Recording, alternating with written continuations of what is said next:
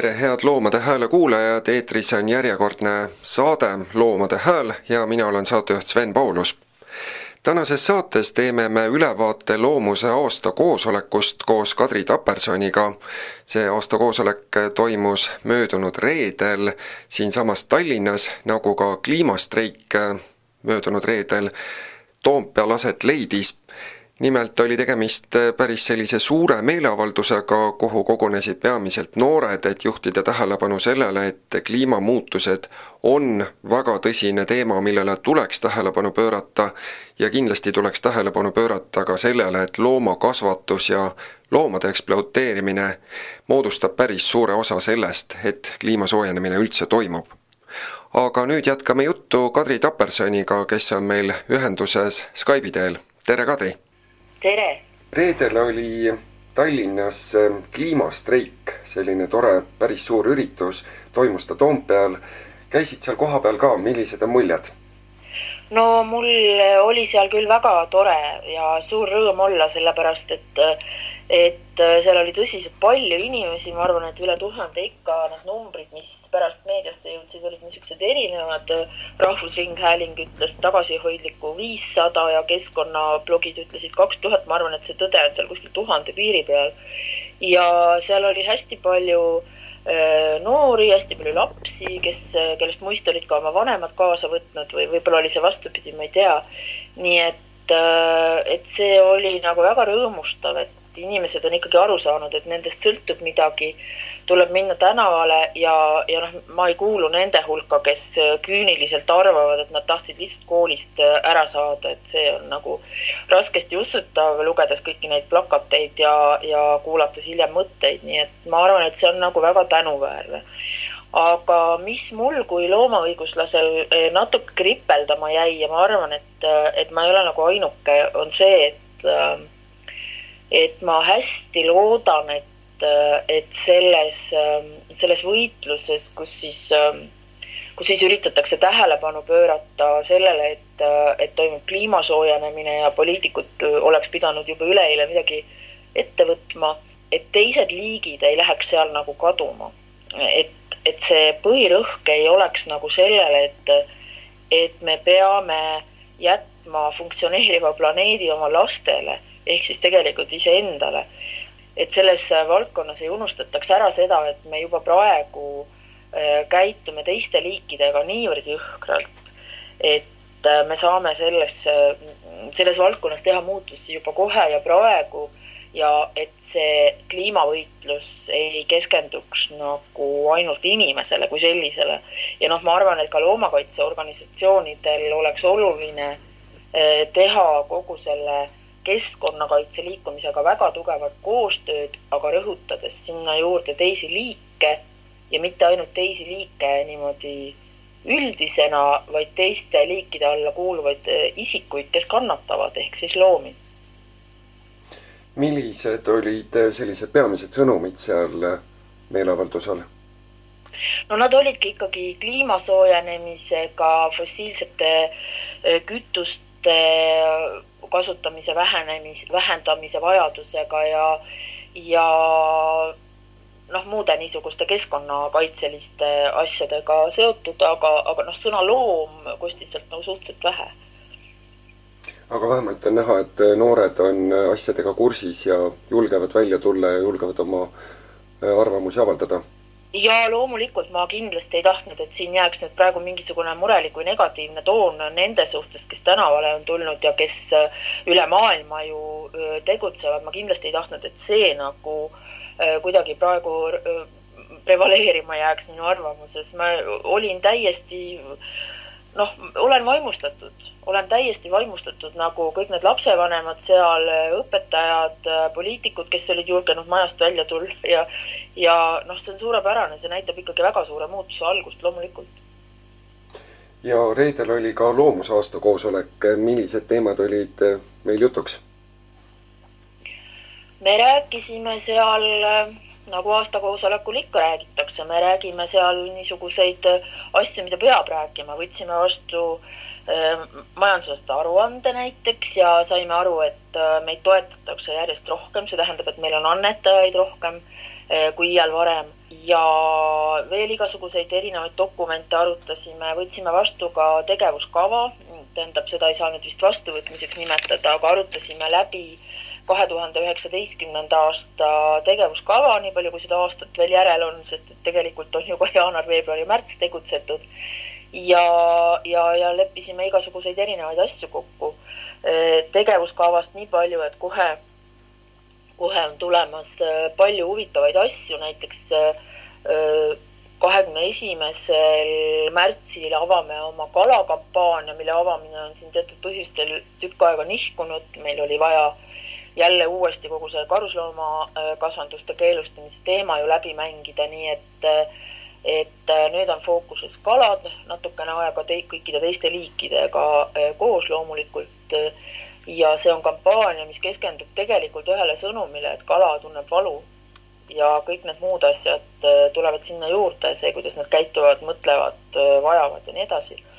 Ja siis on meil äh, aprillikuus on päris mitu niisugust olulist rahvusvahelist kohtumist, loomus ju ei tegutse üksi, vaid rahvusvahelises võrgustikus.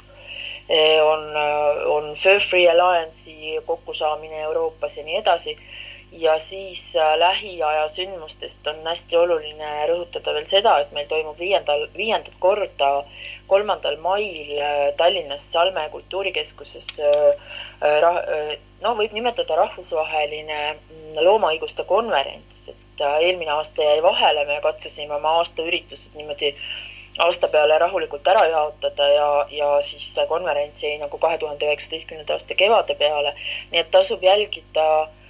Loomus kodulehte tasub jälgida Facebooki ja siis saab sealt teada, mis meil kõik tulemas on, nii et noh, plaane on palju ja inimesed on meil ju hästi tegusad. natukene lähemalt ehk räägid sellest kalakampaaniast ka, mida see kujutab endast? jaa, see kalakampaania on nüüd niimoodi, et, et kahekümne esimesel märtsil on äh, kella viie paiku, äkki seitseteist kolmkümmend, siin seda saab ka järgi vaadata kultuurikatla arhitektuurikeskuses on selline üritus, kus siis räägib Aleksei Turovski kõigepealt sellest, millised loomad kalad on ja miks nad on nii põnevad ja huvitavad ja seal siis saab äh, kuulda ja vaadata ka rohkem selle kampaania materjale. meil on seal, meil on seal videosi, meil on seal niisuguseid asjatundjate kokkuvõtjaid. Äh, uus kodulehe osa avalikustatakse, Loomuse kodulehe osa, kus siis on äh, kaladest hästi palju materjale ja tegelikult on see ka niisugune, mm, niisugune rahvusvaheline kampaania, sellepärast et, et samasugust, samasugust teemat on nüüd rõhutanud väga mitu erinevat organisatsiooni üle kogu Euroopa, et äh, meie oleme siis ka sinnani, sinnani jõudnud. ja peale seda tuleb siis, äh, tuleb siis erinevaid materjale ajakirjanduses, nii et, et sellised need kampaaniad on. lihtsalt meile tundus, et me oleme nagu ühed, ühed loomad kuidagi mängust välja jätnud, hästi lihtne on ju hästi lihtne on ju rõhutada seda, kui sarnane on on imetaja inimesele, aga või kui sarnased on teised imetajad inimesega, on vist õigem öelda. aga kaladele ei ole väga palju tähelepanu, tähelepanu pööratud ja nüüd on selleks aeg käes. ja kahekümne esimesel märtsil on siis arhitektuurikeskuses, eks ole, see ka loeng Aleksei Turovski poolt. ja täpselt ja nii nagu ütlesin, nii ongi, et et Aleksei tuleb sinna, ta rääkis sellest äh, teemast juba eelmise aasta taimetoidu messil. rahvas ei tahtnud ära mahtuda ja noh, tema on ju niisugune, kes võib igast liigist rääkida äh, palju kauem, kui teda palutud on, nii et see on jah, kahekümne esimesel märtsil. aga reedesel koosolekul teatasid sa ka oma lahkumisest. mis on see põhjus? Jah, äh, sellega on niimoodi, et ma tõepoolest Loomuse liikmetele ütlesin kuupäeva, millal on minu, mm, minu viimane päev Loomuses. ja see on maikuus, see on peale seda konverentsi äh, e. ega see neile vist väga ootamatu ei, ei olnud, sellepärast et ma olen neid äh, poolt ja vastu argumente siin oma sõpru ehk siis Loomuse liikmeid kaasates nagu kaua mm, kaalunud ja mitte kunagi ei ole ju, no vähemalt minu jaoks nii kardinaalsel otsusel ainult ühte põhjust, aga ütleme siis niimoodi, et, et kui oled loomaõiguste valdkonnas ja näed loomi väga lähedalt, ütleme siis nende kannatusi väga lähedalt, siis tegelikult, tegelikult näed nagu inimesi ka väga lähedalt. ja, ja siis tekib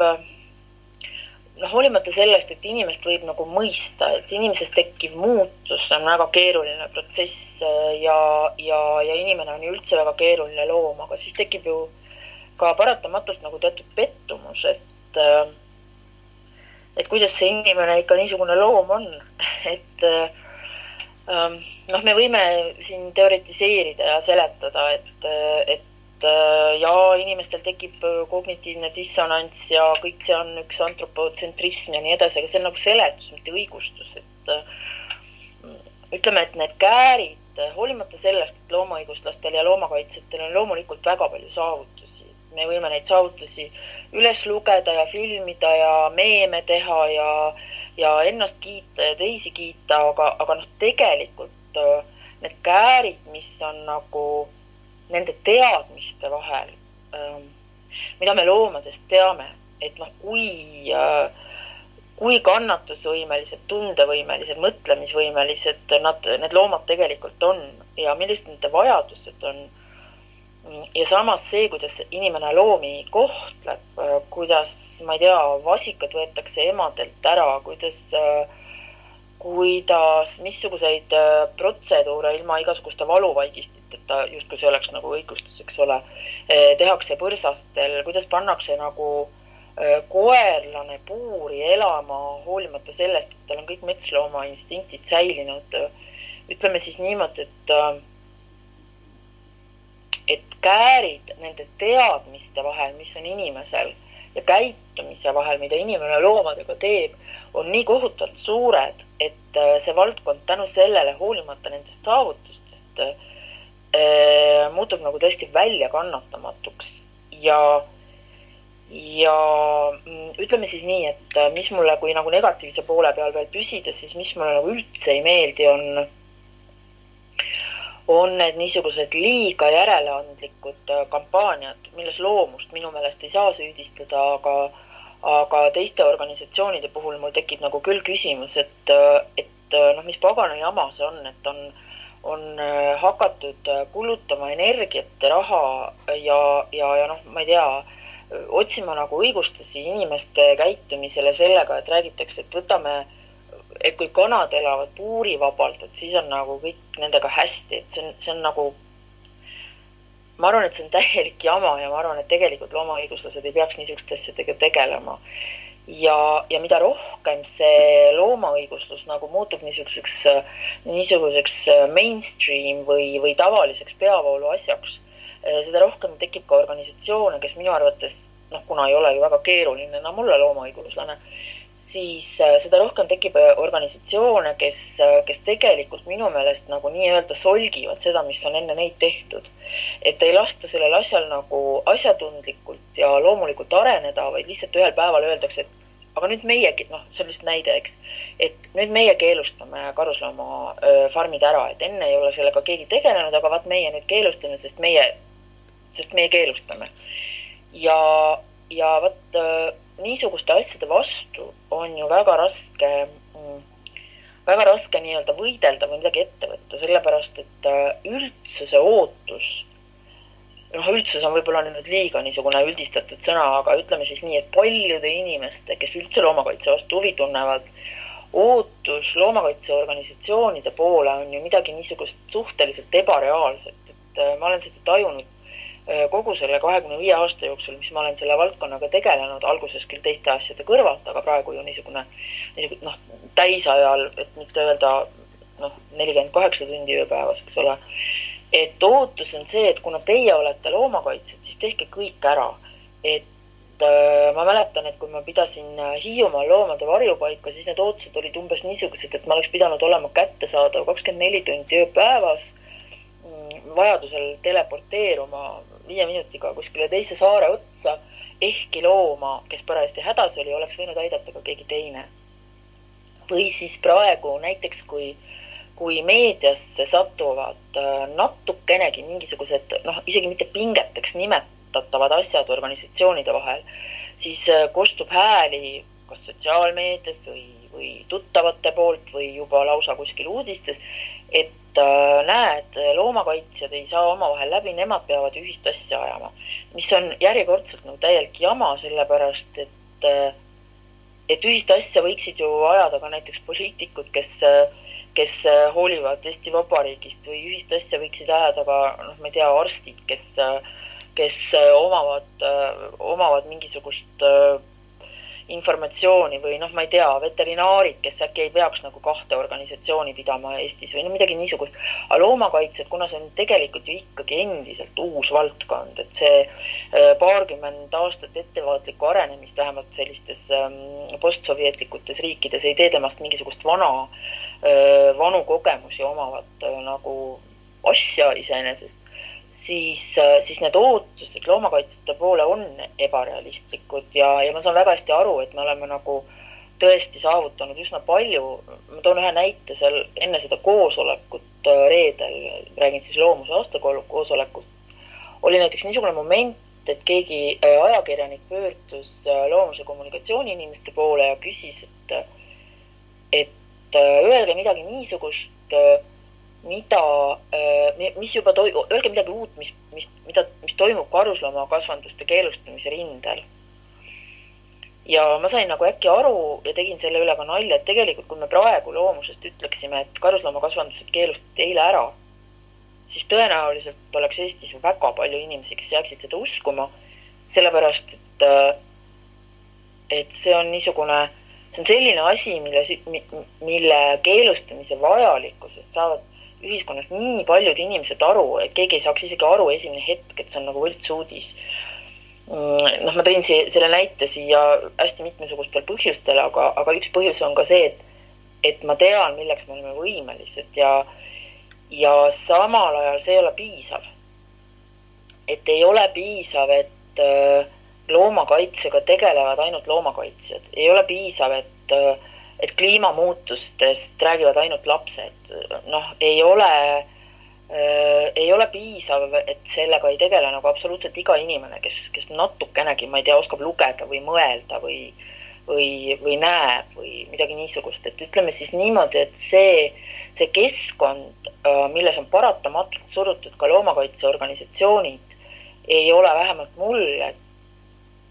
kes ma tõesti arvan, et loomade ekspluateerimiseks ei ole mitte mingisuguseid õigustusi, ei ole ka enam nagu sobiv keskkond, et ma parem taandan ennast äh,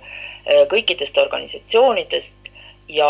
ja mõtlen natuke, mida ma saaks nagu veel rohkem teha, et see, et, et need käärid ei oleks nagu nii suured. ja kui nagu minna positiivse poole peale, siis ma arvan, et äh, praegu hetkel on ainuõige hetk minna sealtsamast loomusest siis ära. sellepärast, et nii palju, kui mina olen näinud, kui mingisugused, äh, ma ei tea, äh, mänedžerid, äh, juhid, võtmeisikud, aktiivsed inimesed loomakaitseorganisatsioonidest ära lähevad, siis tavaliselt on selles ainult kaks põhjust. üks on see, et ta läinud totaalselt kellegagi tülli Mm, keegi on tema ego riivanud, noh, ego võib loomakaitseorganisatsioonis tegutsedes niikuinii nagu täiesti kõrvale panna, nii palju, kui see on inimlikult võimalik. või siis teine võimalus ja veel rohkem juhtunud võimalus ja ma ei räägi Eestist, ma räägin nagu kogu maailmas äh, tegutsevatest olulistest loomakaitseorganisatsioonidest, teine on nagu läbipõlemine. et ma kindlasti ei taha, et Äh, et mina kogu oma kogemustega oleksin see inimene, kes lihtsalt üks päev nagu kokku kukuks või siis vastupidi, läheks nagu kellegagi tõesti mõttetute asjade pärast tülli. et ma katsuksin nagu mm, säilitada iseennast mitte võib-olla ainult iseenda pärast, vaid kogu selle info pärast ja kogemuse pärast, äh, mis minus nagu on, et et see on võib-olla nüüd natukene segane seletus, aga, aga kuna see Loomade Hääle podcast on loomuse lo,, loomuse äh, saade, siis see annab mulle võimaluse nagu siin mitte nüüd lõputult, aga ikkagi pikkade lausetega lobiseda. Mm, ja, ja noh, küllap ma kirjutan need asjad nagu, nagu lahti ka. siis, kui ma olen juba ära läinud, ennast natukene taandanud. ja mis veel, mul ei ole mitte mingisugust hirmu, et, et loomus tegutseb täpselt sama jõuga ja noh, tõenäoliselt veel paremini edasi, sellepärast et see kooslus, mis on loomuses, on, on väga haruldane. ma olen olnud erinevates mittetulundusühingutes, tegutsenud vabakonnas äh, alates aastast kak-, üheksakümmend üks, ma oleks ärevalt öelnud kakskümmend üks, suurt vahet ei ole. alates aastast tuhat üheksasada üheksakümmend üks ja ma ei ole mitte kuskil näinud, et aasta koosolekule tuleb äh, nii suur protsent liikmetest,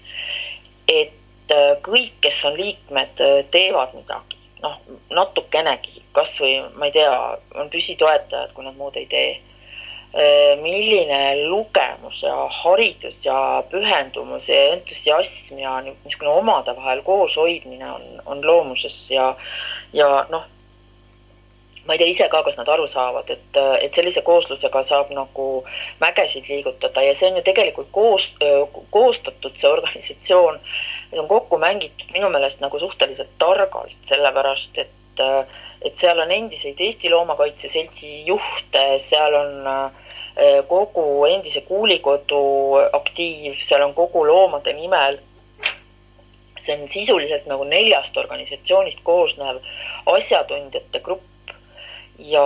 ja, ja noh, ma olen kindel, et need ülesanded, mis olid äh, minul, saab seal omavahel ära jagada ja saab nagu hästi tugevalt äh, edasi minna, et ma istusin seal reedesel aasta koosolekul ja mõtlesin, et, et noh, kuidas see on võimalik, et on nii erinevate eluvaldkondade, nii erineva vanusega. me ei ole ju, ma ei tea, linnas elav noortegrupp, nagu tavaliselt loomakaitsjaid äh, peetakse, meie kõige vanem Äh, toetaja on üle üheksakümne aasta vana ja meie kõige noorem liige on kaheksateist aastat vana, nii et noh, see, see teadmiste ja energia kogum ja sünergia, ehkki ma ei armasta seda sõna väga, on, on seal nagu täiesti noh, füüsiliselt tajutav. nii et äh, ära minna tuleb õigel ajal ja, ja organisatsioonis ei tohi ka liiga mugav hakata, ma oleks võinud vabal seal ju oma tänu oma tehtud tegudele ja, ja harjumustele ja oskustele niimoodi pensionini äh, tiksuda, aga, aga sinna on veel natuke aega, et, et otsin endale teise rolli. ja ma arvan, Sven, et sa nüüd kahetsed, et sa seda küsisid, sellepärast et ma vastasin umbes, ma ei, ma ei kujuta ette, kui palju minuteid ühele küsimusele. kui vaatame Riigikogu uut koosseisu, siis kui tõenäoline on, et loomaõigusluse teemad üldse esile tulevad või kuivõrd võimalik on lobi edasi teha? ja just äh, sa hõimasid ära veel ühe põhjuse, äh, miks ma näen, et, et tuleb otsida teisi meetodeid ja teisi, äh, teisi võimalusi inimeste tead-, teadlikkust nagu tõsta. no ei ole väga võimalik, tähendab alati on võimalik, aga, aga, aga näiteks ikkagi ma tõesti tahaks viisakaks jääda, aga, aga EKRE-ga loomadest rääkimine on vähemalt siiani olnud suhteliselt võimatu. ma tean, et ma tean, et EKRE toetajate hulgas on üsna palju inimesi, kes on hakanud näiteks mõtlema selle peale, et kui nad nagu kümne küünega kaitsevad inimese elu tema eostamisest alates, eks ole et miks nad ei peaks siis elu kui sellist ehk siis loomaelu kaitsma ja kuidas seda õieti teha. et mingid niisugused mõtted on hakanud noh, loomulikult ka, ka selle erakonna ümber nagu liikuma, aga aga seda on ilmselgelt liiga vähe. Ja, ja teine asi see, et loomus on näiteks alati viimase viie aasta jooksul, et mitte öelda, et viieteist aasta jooksul ikkagi koalitsioonikõnelustel kuidagi silma peal hoidnud, et äkki saaks nagu mingisuguseid oma asju sinna, sinna ka rõhutada. Ja noh, lobiorganisatsioon teeb ju ka enne, enne, enne valitsuse moodustamist ju mingisuguseidki kasvõi abituid liigutusi, et midagi muuta. aga praegu ei ole nagu palju teha, et, et kindlasti on ka see üks põhjus, et lähiajal see lobitöö saab olema väga raske. Aga loomusesse jääb palju inimesi, kellel on sellega väga kõva kogemus, kasvõi mingisuguste teiste organisatsioonide sees tegutsedes. Ja noh, vaatame, mis saab, et ma kindlasti ei, ei arva, et peab nagu lõpuni pessimistlik olema, aga nii nagu, nii nagu Eestis on ju palju inimesi, kes on praegu nagu kohkunud ja pettunud ja, ja ei usu oma silmi ja kõrvu, et mina kuulun ka kindlasti nende hulka igal juhul jääb loota üle, et äh, tänane selline noorem põlvkond võtab neid teemasid üha tõsisemalt ja, ja hakkab oma vanemaid kas või näiteks kasvatama, harima kõiksugustel nii kliimateemadel kui ka loomaõigusluse teemadel. Ja, ja see ongi asi, mille peale tuleb loota, see ei tähenda seda, et ise enam midagi ei tohiks te- või ei peaks tegema. aga seda on näha, seda oli näha sellel, sellel kliimameeleavaldusel, seda on näha ka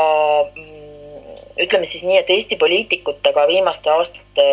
jooksul suheldes ma tean noh, paarikümmet juhtumit, kus äh, omavahelistes vestlustes ütleb see poliitik, kes ei ole näiteks loomakaitsjate tegevusest absoluutselt aru saanud varem,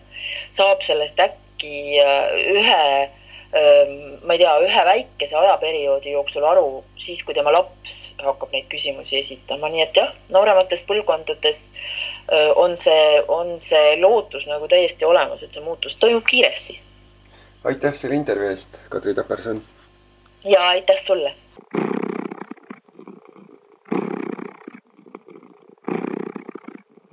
hea Loomade Hääle kuulaja, nüüd on ka sinu võimalus omapoolselt loomust toetada. mine kodulehele loomus.ee kaldkriips toeta ja vaata lähemalt, kuidas saad meile toeks olla.